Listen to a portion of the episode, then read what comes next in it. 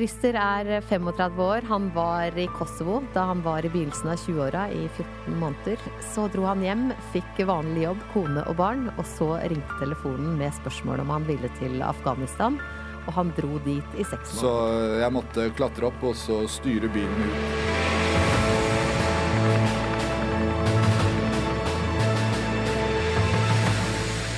Hva er det som får en eh, nybakt far og ektemann til å takke ja til et så livsfarlig oppdrag? Eh, Det er et godt spørsmål. Eh, Jeg vil si det at når man har jobba i Forsvaret en stund og får gode venner og blir kjent med på en måte miljøet og, og livet der, så får man et savn etter det når de er borte, som jeg tror at det er naturlig på en måte å Så når man da får anledning, da, så ønsker man på en måte å ja, kunne gå tilbake til det og, og bidra der. Men selvfølgelig at man er i en litt annen livssituasjon når man er der, enn når man er 19 år og, og vet egentlig veldig lite. Du har sagt at det er, eller du sa når vi snakka sammen på telefon, at eh, det er bare veteraner som forstår veteraner. Er det liksom, Hvor irriterende er det for deg å få sånne spørsmål, eller når sånne som meg kommer, da, som er helt sånn derre vet ingenting. Hvordan er det? Det er hyggelig på en måte at folk viser interesse for disse tingene. Og det er viktig at på en måte veteraner ikke blir glemt, syns jeg. Eh, Det er også det at når du jobber under sånne forhold og i et sånt miljø, så er det veldig vanskelig for eh, vanlige sivile å forstå på en måte hva hverdagen og, og livet går i. da. Mm. Så ja, så det er vel derfor man sier det, egentlig. At det er veldig vanskelig. Man forstår det ikke hvis man ikke har vært i den situasjonen selv, egentlig. Kunne du ønske at folk skjønte mer? Ja, altså I hvert fall for de som har det vanskelig, at de forstår på en måte hva det krever av deg da, i en sånn type jobb. Så er det jo veldig mange, begynner å bli veldig mange veteraner da, i samfunnet. Jeg møter folk hele tiden, så det er veldig ålreit når man er på jobbtur og jobbsammenhenger og sånn, og så begynner man å snakke om det, så viser det seg at det er folk du ikke trodde engang var veteraner, har eh, historie fra Forsvaret og, og utenlandstjeneste. Så det er litt kult. Så man er liksom av en liten elite, på en måte, Ja. i samfunnet. Hvem er det som passer til å være soldat, da? Ja, si det. Altså, jeg tenker at det er veldig viktig at man er trygg på seg selv, eh, og at man har et genuint ønske om å på en måte hjelpe andre, da. Eh, Sånne ting som det tror jeg er veldig viktig.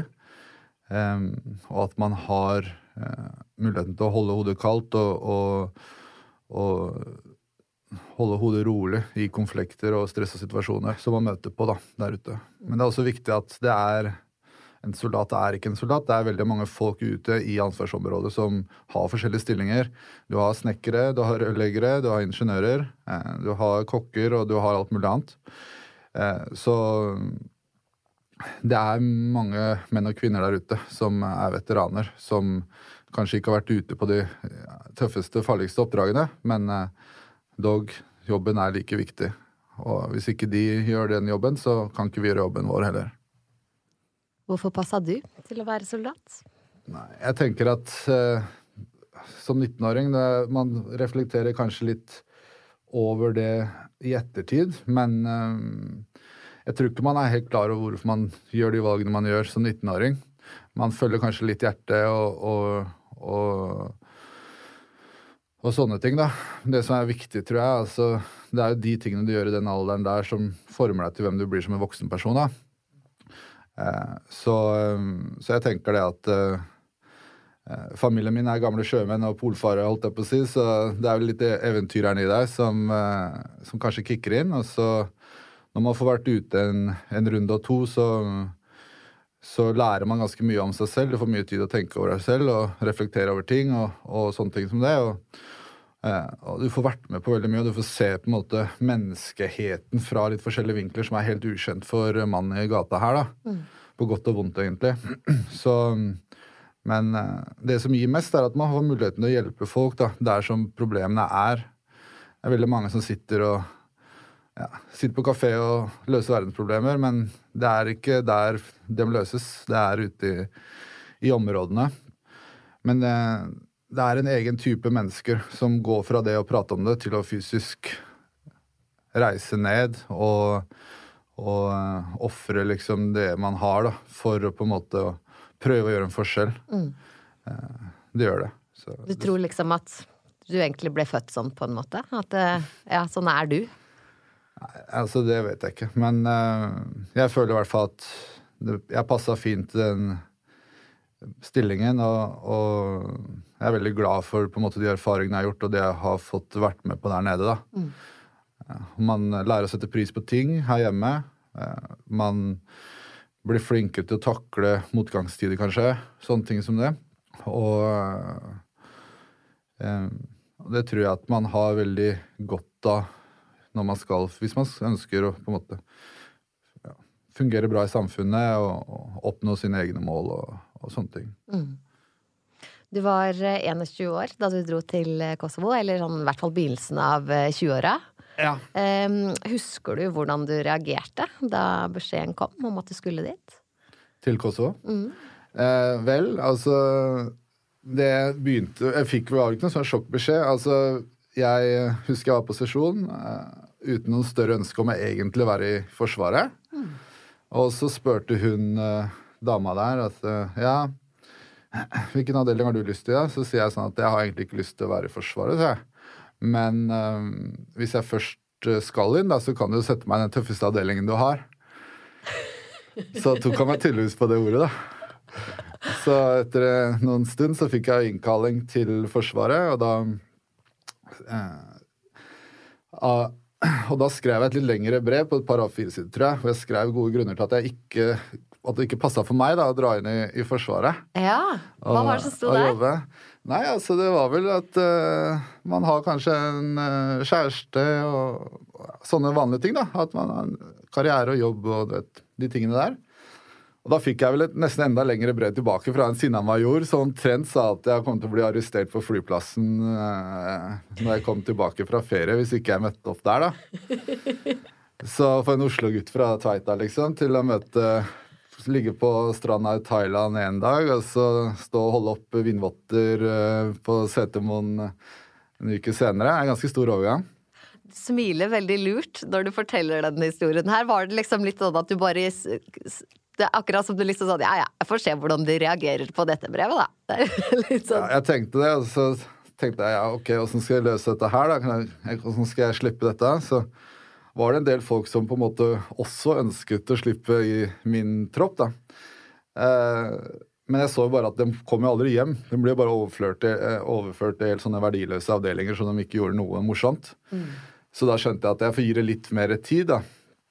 Og så hadde jeg en troppssjef som, eh, som, er en skikkelig tøffing, og, og han, eh, han var ganske lik meg, da, så vi fant tonen veldig bra, så han ble liksom mentor for meg. Mm. Eh, og da på en måte slapp jeg garden, og så ja, og så for hva det var, da. Det var en tøff tid. og det er kult, på en måte. Altså Når du kommer fra Oslo-området og du har ikke vært så mye oppover, så du kommer til Nord-Norge med fjell og, og, sånne ting som det, det, det gjør inntrykk på deg, for å si det sånn. sånn nasjonalfølelsen, den, er, den, blir stor. Så mm. Så du mente faktisk det at eh, nei, dette her er Jeg skal ikke dette her, jeg skal ikke til Forsvaret. Og så var det det da du var der som gjorde at du Jo, det skal jeg visst. Det føltes riktig, og man fikk fikk møte på en måte folk fra alle mulige små byer i Norge med dialekter som man omtrent ikke forstår. Eh, og få venner og, og, og brødre da, gjennom det.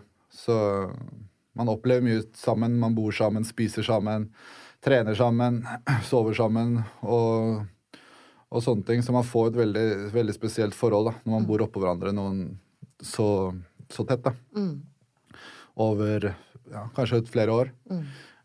Så um, Men det er en fin tid, og jeg, jeg syns at det er viktig, egentlig. At jeg tror alle har godt av det. og mm på en måte få den muligheten til å prøve seg ut både fysisk og psykisk i førstegangstjenesten. Så jeg håper ikke det blir borte, egentlig.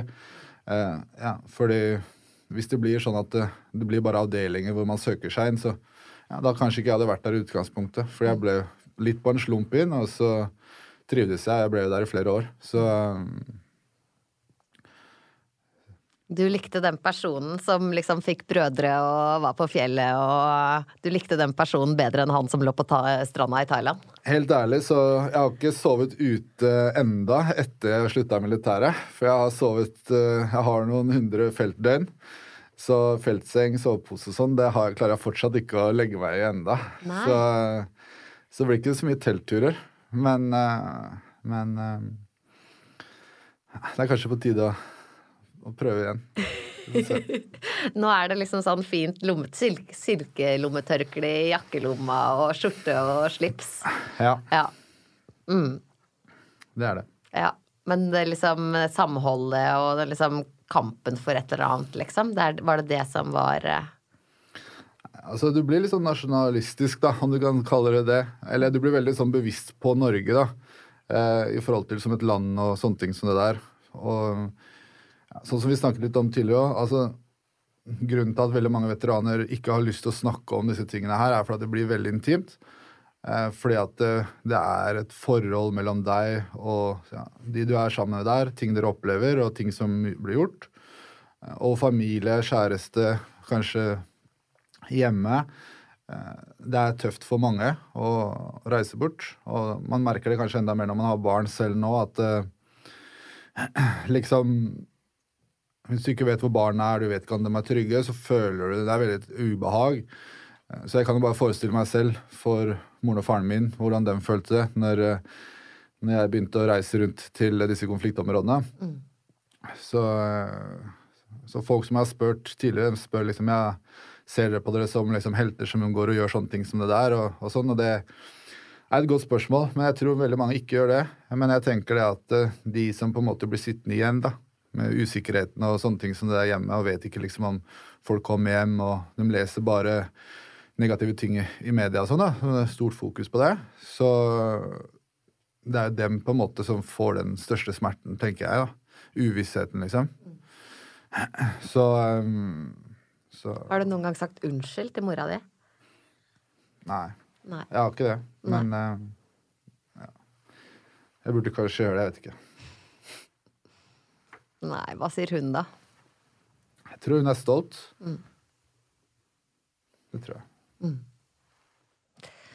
Um, første gangen uh, i Kosovo, da hadde du uh, avslutta førstegangstjeneste og så gjort litt mer. Hvordan altså, ble det sånn som du hadde tenkt? I Kosovo? Mm. Vi var uh, Vår avdeling var tiltenkt å reise til Kosovo hele tiden. Så vi gikk inn i, på Setermoen, så, så, hadde vi jo vanlige førstegangstjeneste, rekrutt og sånn, på lik linje med en del andre. Men ganske tidlig så begynte vi å trene på litt caser som man kunne møte der nede. Mm. Eh, og vår oppgave i Kosovo var på en måte å fungere litt overalt. Så vi fikk opplæring alt fra minesøking, for å si det sånn, til eh, søking av biler, eh, anholdelse av personer, eh, ja, egentlig det meste. Eh, og skulle fungere som en QRF, da, eh, som er Quick Reaction Force, og som er på en måte en støtte for de som er ute. Mm. Og en av de tingene som vi skulle da øve på, var massetjeneste, som er når det er demonstranter da, ikke sant, i stor skala. Så det øvde vi jo mye på. Så når vi dro ned så var jo situasjonen i Kosovo veldig rolig.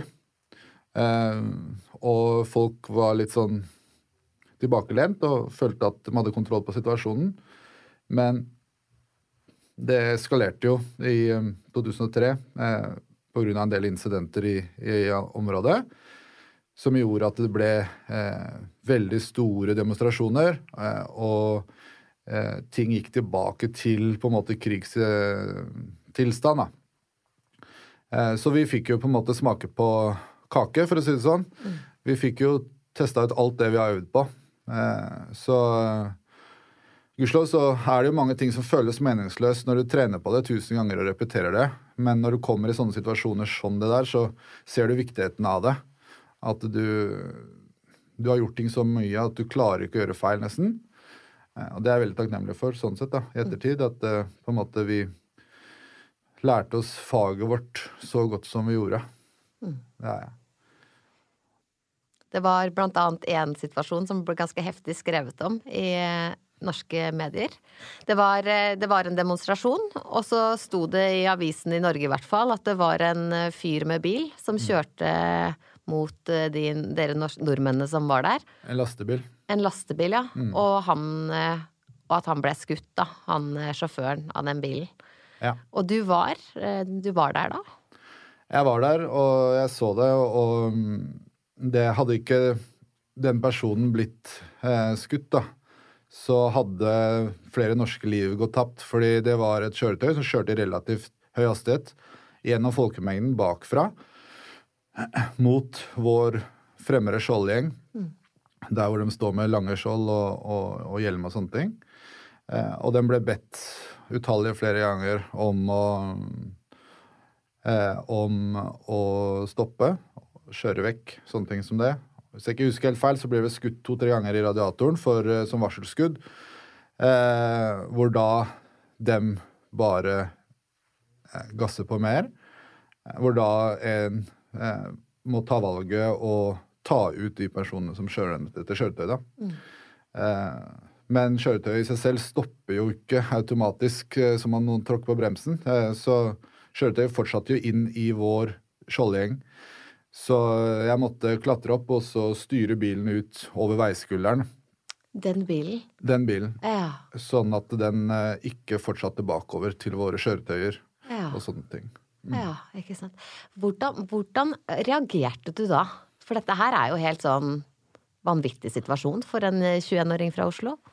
Det er det. Eh, altså Alle har sine stillinger da, i en sånn demonstrasjon, for å si det sånn.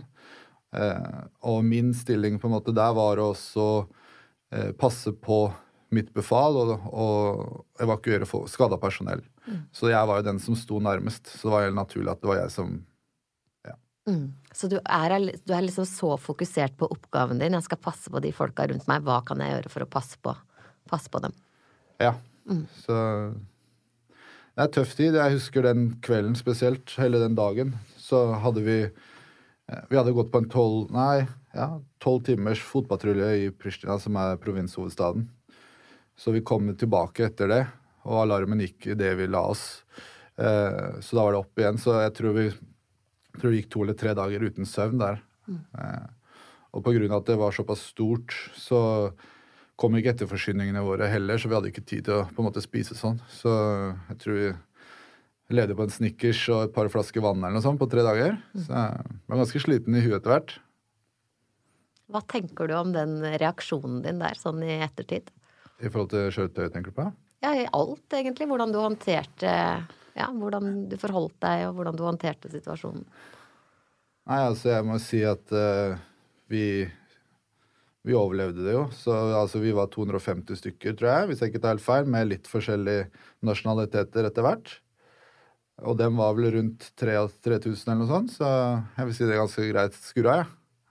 Ja. Det, jeg, ville liksom, jeg, jeg blir jo liksom stolt for deg. På en, altså sånn Det er jo Ja. Ja. Det må jo gi en sånn enorm sånn shit, det er så pressa situasjon, ikke spist på flere dager, ikke sovet, og så håndtere det på den måten, det må jo gi en ekstrem sånn ja, trygghet og stolthet, jeg veit ikke. ja. Nei, altså ja, Det er vanskelig å si hva man føler. Altså, det Du går litt på overlevelsesmodus, tror jeg. Så, men eh, det viktigste er på en måte at eh, alle systemene våre fungerte. Folk ble evakuert. Eh, vi mista ingen.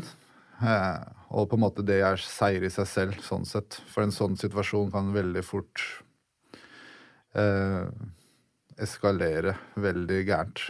Og i tillegg til at vi sto der, så var det jo kryssild. Altså det var jo folk som skøyt på en måte mot hverandre fra begge sidene, og i midten var vi, på en måte. Så det var eh, ja, Det var ganske mye som skjedde på en gang. Denne podkasten er sponset av The Long Road Home. Se premieren på National Geographic søndag 5. november klokken 22. Du dro altså først eh, som eh, 20, ja, tidlig 20-åra til Kosovo. 2003-2004. Var der i Skulle egentlig være der i seks måneder, ble der i 14. Altså Det er litt sånn forskjellig hvordan det Nå er jeg ikke sikker på hvordan det fungerer nå, men i utgangspunktet så skulle vi vel være der i seks måneder. Ja. Eh, og så eh, fikk vi anledning da, til å recappe eller være der i seks måneder til. Ja. ja. Og det takka vi ja til, da. Og så med litt overgang og sånn, så var vi der litt overkant av et år, da. Kanskje en 13-14 måneder. Ikke sant. Og så var det Afghanistan da i 2006-2021. Først så dro du jo liksom som ganske sånn pur ung. Eh, utenfor, uten noe kjæreste, eller du hadde kanskje kjæreste, men eh, familiesituasjonen endra seg jo veldig da du dro ut andre gangen. Da var du 24 og ektemann og pappa og Ja. hadde mange, mange måneder erfaring, da. Um, store forskjell, forskjeller på utsida. Hvordan var det liksom på innsida? Altså, jeg tror man er den samme personen i seg selv. Det er bare at man har et litt mer komplekst liv, da. Litt mer ansvar og sånne ting som det. Men uh, man er jo fortsatt ganske ung sånn sett. Men uh, altså, det er ganske mye tøffere på en måte å reise fra noen. Uh, men man må, man må holde hva skal jeg si, man må holde det positivt. altså Man må tenke positivt. Fordi altså, det er veldig mange der nede som er i samme situasjon som deg, som reiser fra. Så du har god støtte eh, i folk som er i akkurat samme båten som deg. Eh, og så har du muligheten til å ha kontakt med de hjemme ganske ofte. og Det hjelper også. Eh, men selvfølgelig, altså, hvis man begynner å tenke på alt gærent som kan skje, og sånne ting, så, så blir det veldig vanskelig å gjøre jobben sin. da. Men eh, det går litt ned til personlighet, tror jeg, og, og hvem man er som person, og, og sånne ting som det. det på lik linje som jeg tenker både brannvesenet og politiet og sånne ting gjør i Oslo. Kjempejobb. Og, og det blir litt det samme du gjør, bare at du gjør det i, i, et krigsområde, da, et herja område. Så du har jo en del flere faktorer som spiller inn sånn sett, da. Så det er det som på en måte gjør fordi når jeg liksom ser for meg det bildet, da, ettåring, kone, reise til krig, da, så farlig, eh, så klarer jeg bare å se farene på en måte, og det, og det skumle. Men det som gjør at du klarer å reise, det er at du ser alt det andre, da. Alle de andre oppgavene, viktige oppgavene, som noen må gjøre. Helt klart. Og det er eh, morsomt. Vi hadde reunion oppe på veteransenteret for dem som jeg var i Kosovo sammen med for noen år siden. Og altså man legger litt sånn lokk på ting, så man glemmer mye som har skjedd. Og det å på en måte snakke om de positive tingene, da, eh, det tror jeg er veldig viktig. Da husker man mye morsomt man har gjort. Det er minner for livet som man aldri kommer til å glemme, og som, eh, som betyr mye. Og det samme, nå hadde vi relativt eh, nylig reunion for de som jeg var i Afghanistan sammen med, og det var litt det samme.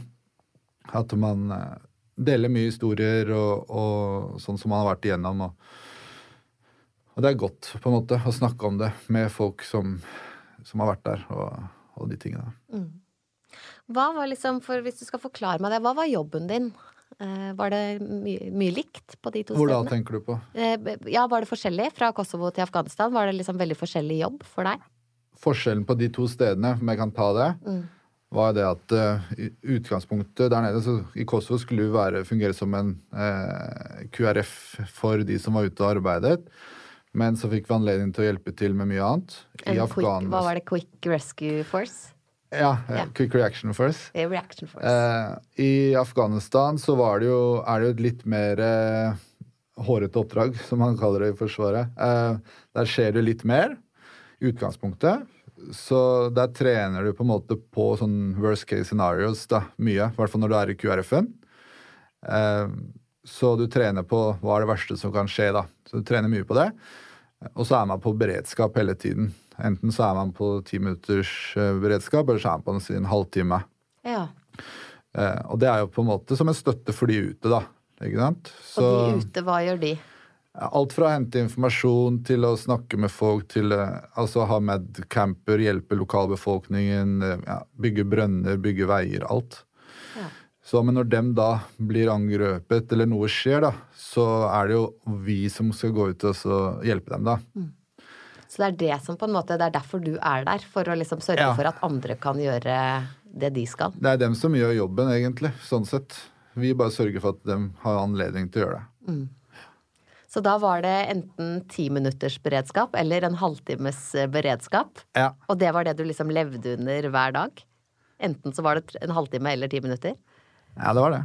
Herregud. Så på ti minutters beredskap så sitter du egentlig bare i en sånn TV-stue så du kan ta deg på beina, egentlig. Og så er vognene ferdig lina opp med alt materiell og sånn. Så det er egentlig bare å snøre skoa og så sitte opp på kjøretøy, så kan man dra. Halv time så er det litt Altså det er fortsatt vogna pakka, men da kan man gå og trene, eksempel, og litt sånne ting som det. Mm, mm. Så det kommer litt an på Hverdagen går litt ut ifra hvilken beredskap du er på, da. Så en dag i Afghanistan Altså, vi sto vel opp sånn klokka halv seks, kanskje? Seks? Før på en måte sola ble for kraftig, og da løp vi, i hvert fall laget mitt, da, eh, en mil om morgenen. Og så etter det så var det jo inn og dusje og sånn, og så var det til frokost.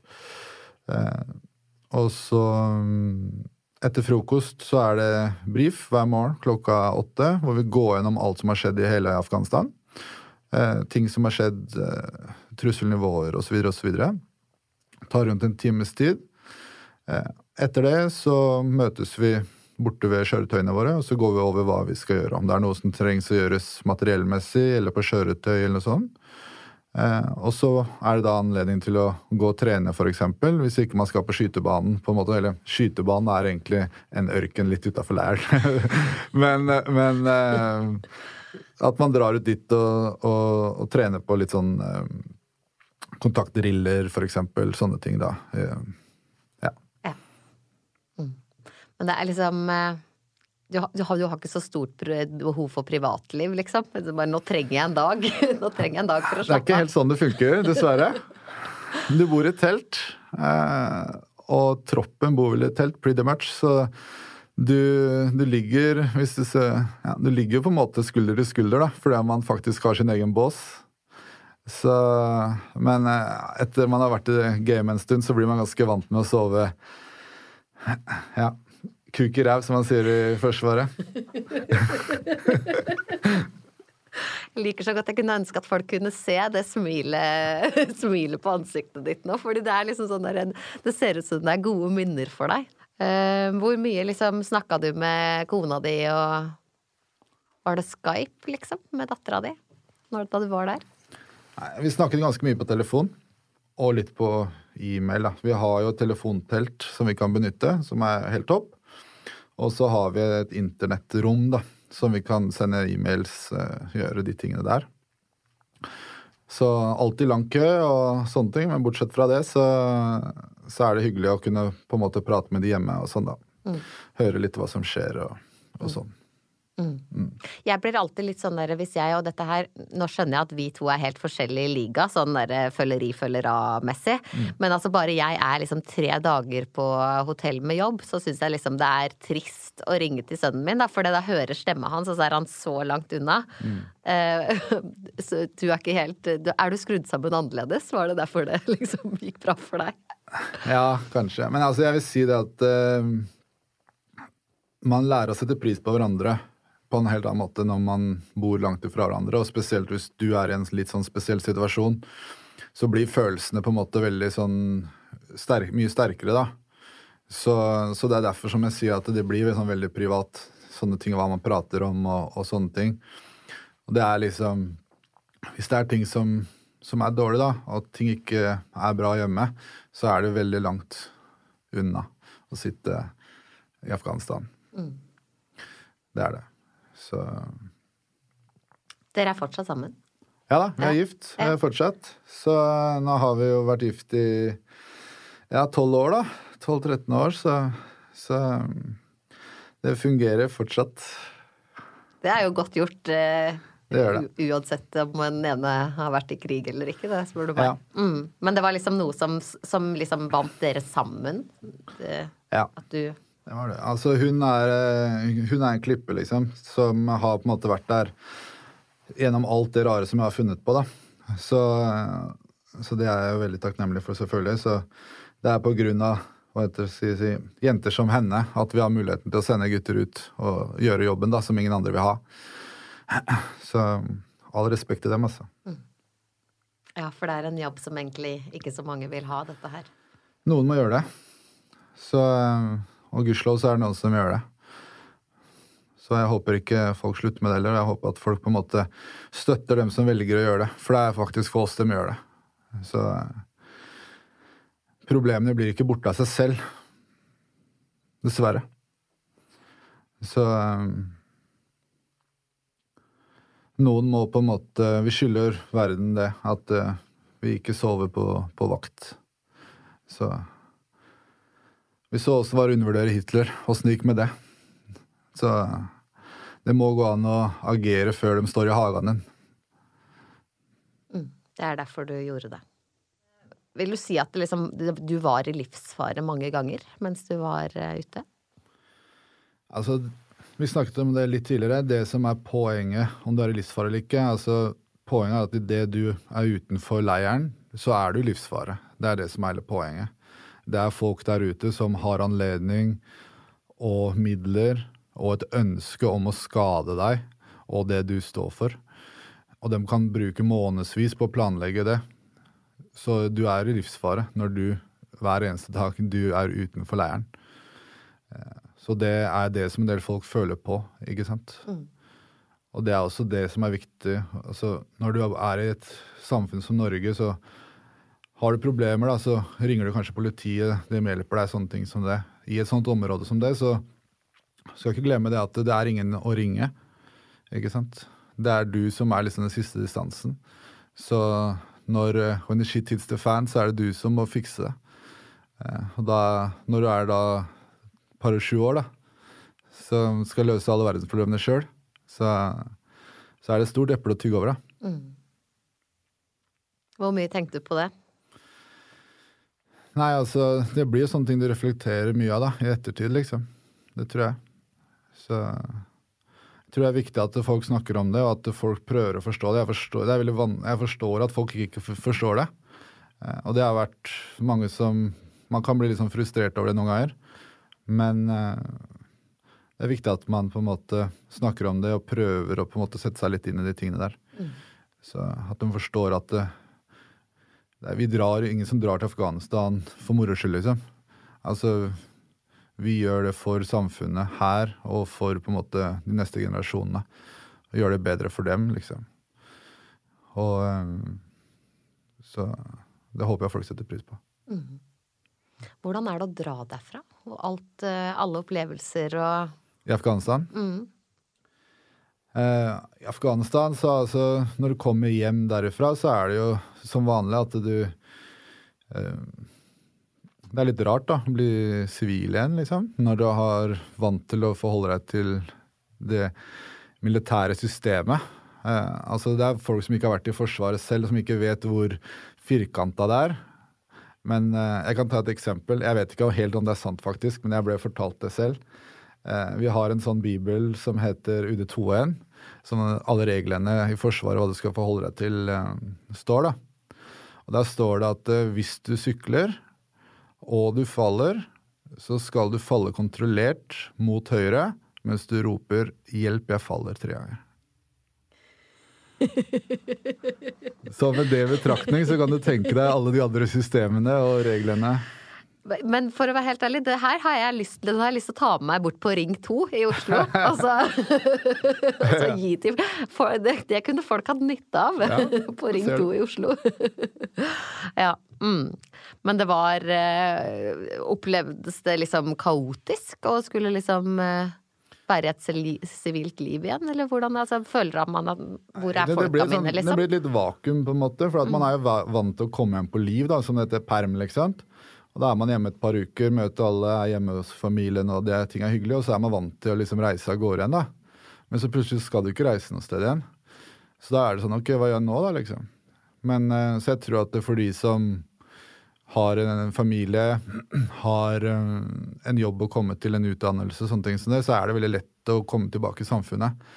Eh, jeg tror for de som på en måte som ikke har det nettverket rundt, da, som kommer tilbake til ingenting, liksom, eh, de har kanskje lettere for å begynne å slite. Mm.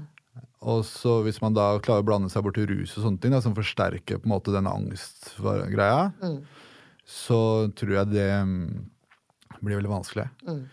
Så jeg tror det at eh, nå er det såpass gode rutiner, og det er såpass bra eh, såpass mye hjelp å få da, gjennom veteransenteret på Kongsvinger og, og disse støttetelefonene og sånn, så jeg tror faktisk at det, det er uh, muligheter for, for alle. Mm.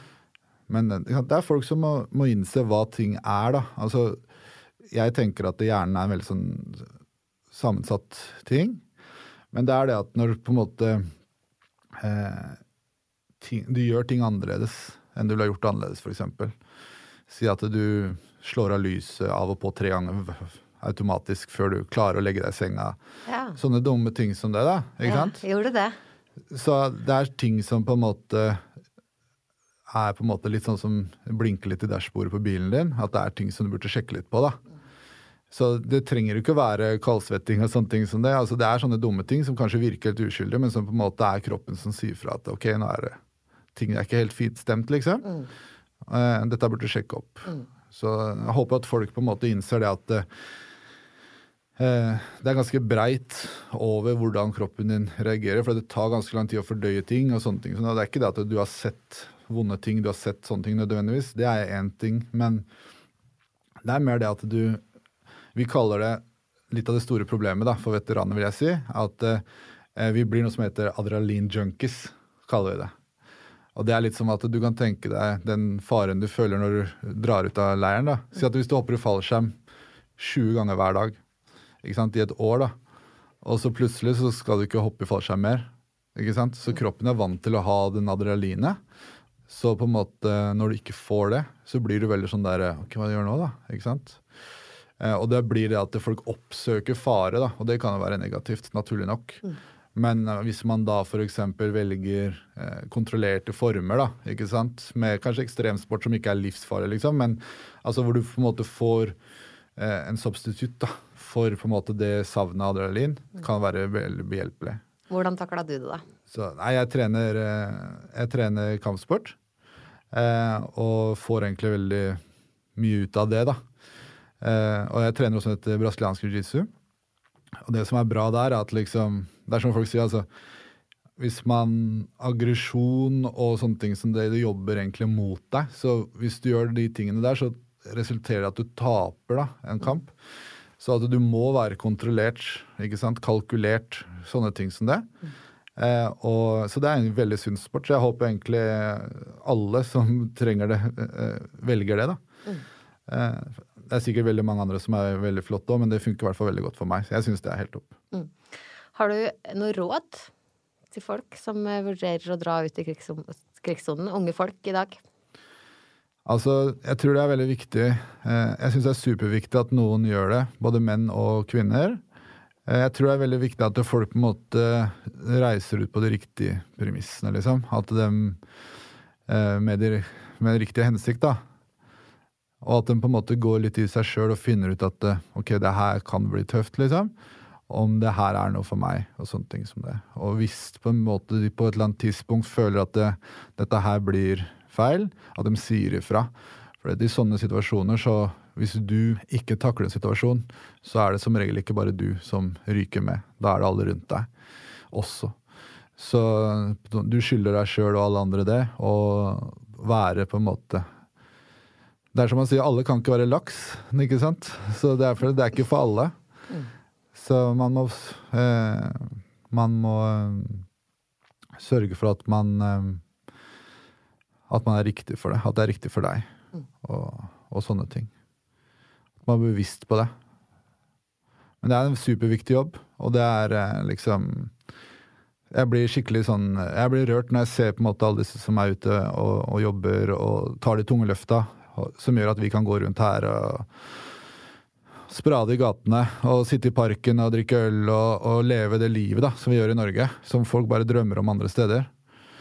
Eh, så det er liksom en ære. Altså, vi har kjørt i Afghanistan.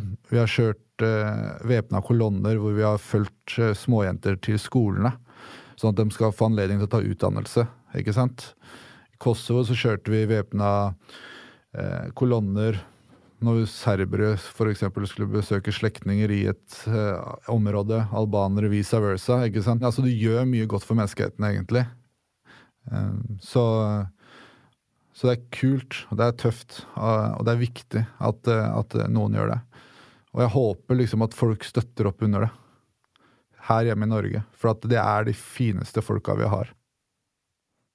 Tusen takk for praten. Denne podkasten er sponset av The Long Road Home. Se premieren på National Geographic søndag 5. november klokken 22.